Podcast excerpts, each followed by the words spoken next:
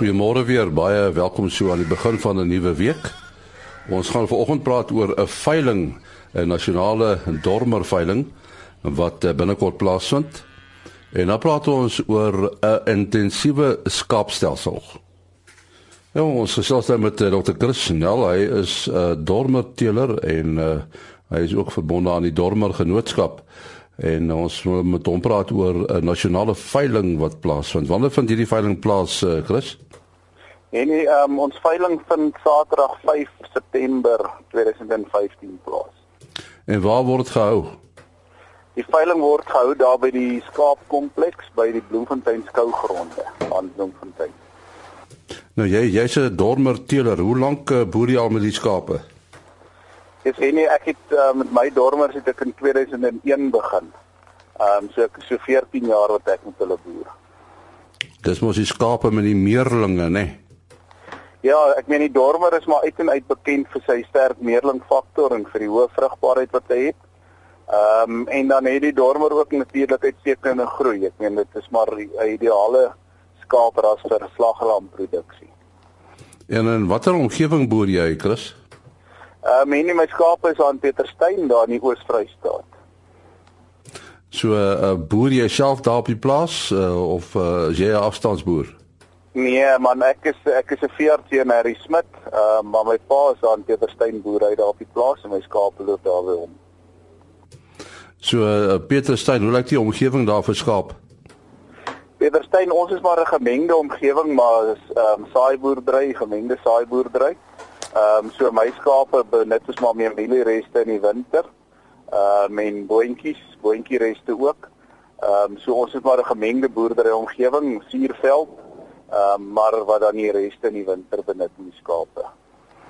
En uh, peste soos haarwurm, het jy probleme daarmee? Ehm um, haarwurm is maar oral is daar maar 'n probleem, maar ek meen as 'n ou dit goed bestuur en dit reg bestuur, behoort dit nie te groot kopseer te gee nie. Ehm uh, maar ou moet maar pas op net met die haarworm se ou moenie oordoseer nie. En nou uh, moet maar die middels wat daar is met 'n ou baie verantwoordelik gebruik dat hy nie vir wurmweerstandigheid selekteer nie. Is dit 'n groot probleem wurmweerstandigheid? Ja, en ek dink ou sien dit al hoe meer. Ehm um, ek dink ehm um, in sekere dele van die land is dit 'n groter probleem as in ander.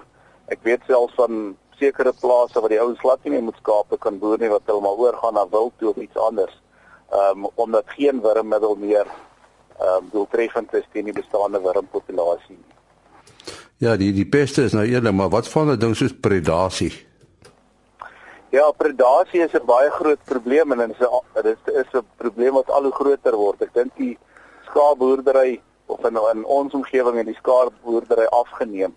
Ehm um, en dan bestry die ouens nie meer ehm um, die jakkalse en die ongediertes nie.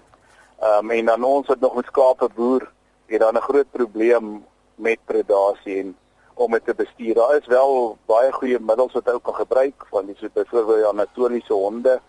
Ehm um, ons het van daai um, halsbande op die skape. So daar is maniere om dit te probeer bestuur, maar dit is maar 'n groot probleem. Ja, daar sommige ouens wat lamhokke intensief boer, nê. Nee. Ja, die lamhokke, intensiewe lamhokke is 'n baie goeie stelsel. Ek meen hy die dormer is ideaal daarvoor. Ehm um, dis 'n intensiewe stelsel en nou se verliese in die eerste ek sal sê in die eerste maand van geboorte is maar die meeste so as 'n ou net die lammers die eerste ruk van nou en jy het nie dan ehm um, verliese as gevolg van ehm um, predasie nie dan daarna het ou baie min verliese. So dis 'n baie goeie manier om 'n ou se verliese te bekamp. Ehm um, en om dit so intensief te doen help ongelooflik baie daarmee. Maar ten spyte van al hierdie probleme, die plant peste, die predasie, uh is skaapboerdery nog eintlik uh, lekker, nê? Nee? Ag definitief nie. Ek meen 'n skaapboerdery is 'n baie lekker boerdery. Ehm um, dis ekonomies is dit 'n baie winsgewende boerdery. Ek dink as min ander vertakkings wat met skaapboerdery kan kers vashou. Ehm um, dit het 'n vinnige omset. Ehm um, en dan ek meen die skape is lekker om mee te werk. Ek meen die dormers is 'n lieflike skaap om mee te boer. Ons sit sit met 'n baie dinamiese en baie vooruitstrewende genootskap. Ehm um, ons ledetal het die afgelope paar jaar sterk toegeneem. Ehm um, en dit is 'n lekker genootskap om aan te behoort. Ek meen dit uh, oues trots om geassosieer te wees met die Dormer Genootskap van Suid-Afrika. En en Chris, wat is jou toekomsplanne met jou skape? Uh menie kyk ag ou probeer maar jou kudde verbeter en ou probeer maar die beste beskikbare genetika te gebruik. Ehm um, en sodat 'n ou vir jou kommersiële kopers wat my jou kliënte is, dat 'n ou vir hulle goeie genetika kan beskikbaar stel wat hulle skaapboerdery se winsgewendheid gaan verhoog. Goed net weer die veiling en dit vind plaas uh... ja, die 5de September by Bloemfontein by die skougronde. Ehm um, daar 96 ramme en 120 oeye ingeskryf. Ehm um, dis almal diere met produksiesyfers, volledige produksiesyfers. Ehm um, en die diere word streng gekeer en dis almal diere van hoogstaande gehalte. 'n Telefoonnommer as daar vrae is.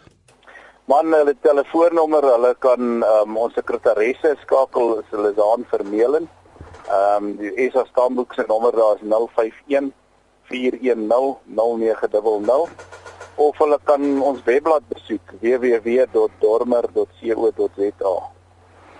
Baie dankie Dr. Chris Nel wat gesels het oor die Dormer Nasionale Veiling wat op Saterdag 5 September in Bloemfontein plaasvind. Ons uh, gesels nou met Mali Wessels. Hy is die eienaar van die plaas Mamre in die Frankfurt omgewing. En uh, ons uh, wil 'n bietjie met hom praat oor die die moeds en die moenies van intensiewe skaapboerdery. Uh Manie, hoekom moet 'n mens 'n uh, uh, intensiewe uh, skaapboerdery bedryf? Hoekom is dit nodig? En ek dink daar's drie groot bedreigings wat skaapboerdery deesdae bedreig. Die eerste een is vir die aard nie saak predasie. Ek dink ons is stelselmatig besig om die oorlog teen die jaktvoël te verloor. Die tweede een is diefstalle uh daar sekere dele van die land wat boere vir my sê hulle kan net eenvoudig net nie met skape op ekstensiewe wyse aangaan as gevolg van die stalle nie. En die derde faktor dink ek is die winsmarge. Uh die winsmarge word al hoe kleiner en jy kan nie meer ekstensief boer 60% lammer speen en dan die gaan winsgewend met skape boer nie. En ek dink daarom is daar 'n al hoe groter beweging van ekstensiewe skaapboerdery na intensiewe skaapboerdery toe. Natuurlik intensiewe skaapboerdery is baie meer arbeidsintensief, nê? Nee. Uit die aard van die saak, die oomblik as jy begin meer intensief boer, uh is dit baie meer arbeidsintensief, maar jou produktiwiteit is uit die aard van die saak ook baie hoër binne intensiewe prosesse. Kan jy 'n bietjie gesels oor julle julle produksie eenheid? Hoe lyk dit? Hoe werk dit? Nee, ons bedryf uh 'n 8 maande stelsel. Ons laat lam elke maand. So ons het elke maand al die aktiwiteite van 'n groep. Ons spons, ons wat nou deel van die sinkronisasie is. Ons laat lam elke maand, ons het elke maand ramme by uh en ons bemark elke maand. So dit help ook met die kontantvloei van die van die besigheid om elke maand uh lammers gereed te hê by die voerkraal uit wat ons kan kan bemark. Nou daar is seker 'n paar vereistes wat wat uh, in plek moet wees as 'n mens met so intensiewe eenheid werk nê nee, om om dit uh, te laat slaag. Ja, kom ons sê so sê ek dink uh dis 'n totaal en al 'n verandering op op die tradisionele wyse van skaapboerdery. En ons sê altyd vir mense wat die stelsel wil begin is begin klein, maar begin reg. So jy begin met die beste genetika wat jy kan bekostig, maar jy begin op 'n klein skaal. Want jy moet die stelsel self leer hoe en wat en wanneer moet gebeur binne die stelsel. So ek dink een van die grootste vereistes is dat jy self die stelsel eers leer ken. En dit kan nou baie goed doen as jy op 'n klein skaal begin. En as dit nie vir jou werk nie, dan het jy nie groot geld geïnvesteer in die in die proses nie. En as dit vir jou werk, dan is skaap is hoogproduserend, hy brei baie vinnig van homself uit. En en wat is die slaggate waarvoor 'n mens moet oplet? Ek dink een van die groot krisisse is kontantvloei. Uh mense klim in in die stelsel in, sit duur store op koop baie skape en halfpad deur die proses dan kom hulle agter maar hulle kontant is op. En dit lei tot groot verleentheid in die in die proses. En ek dink daar's 'n klomp skade wat wat jy gelei het. As jou kontantvloei reg is, dan kan jy hierdie stelsel baie winsgewend dryf. Maar jy het net genoeg kapitaal nodig om deur daai 8 maande siklus te kan kom voordat jy gereed is om dan lammers te kan bemark. En en watter soort skaap boer jy mee? Ons boer met dormers. Ons gebruik ons het 'n dormerstoet en die dormer is geteel, ek dink vir spesifiek vir hierdie stelsel uh om op 'n klein stukkie grond te kan funksioneer. Dit sê nie dat jy dit nie met ander skape kan doen nie. Daar is uh baie boere wat dit met met al die rasse doen. So alle rasse kan dit doen. Maar daar's daar's 'n paar veranderings. Uh jy moet jy moet kyk na wat is wat is jou fokus? Baie mense fokus is wol, so hulle kry dit ook met wolproduksie. Want die stelsel as gevolg van die feit dat jou voedingsvlakke hoër is, is jou vleisproduksie en jou wolproduksie uit die aard van die saak ook hoër. So dit sluit nie sluit nie rasse uit nie. Jy moet net baie versigtig wees vir vlotpotjie want in die intensiewe stelsel met uh, sekere tye wat wat daar hoë reënval is, is daar skaaprasse wat geneig is tot vlotpotjie. 'n Ander gevaar is net die aard van die die die die sensitiwiteit van 'n ooi om dragtig te raak. Daar sekere skaaprasse wat nie elke maand van die jaar die vermoë het om dragtig te raak. So hulle fotosensitiwiteit is is nie aangepas nie en hulle hulle kan jy sekere tye van die jaar nie dragtig kry nie. So dis min of meer die twee soort van krisisse as jy kyk na skaaprasse, vrotpotjie en fotosensitiwiteit. Maar die dragtig het seker dan nie 'n probleem met die dormers nie. Nee, die dormer is 'n is 'n hoogs vrugbare skaap. Uh ons het 'n speenpersentasie van 250% per jaar binne die 3 siklusse van 2 jaar. En dit bereik ons redelik maklik. Ehm um, jy het meerlinge nodig in die, in die stelsel en daarvoor is die is die dormer geteel. Hy gee gemaklik meerlinge. Ooi gee baie maklik 6 lammers in 2 jaar. Ons afsnypunt is 5 lammers in 2 jaar.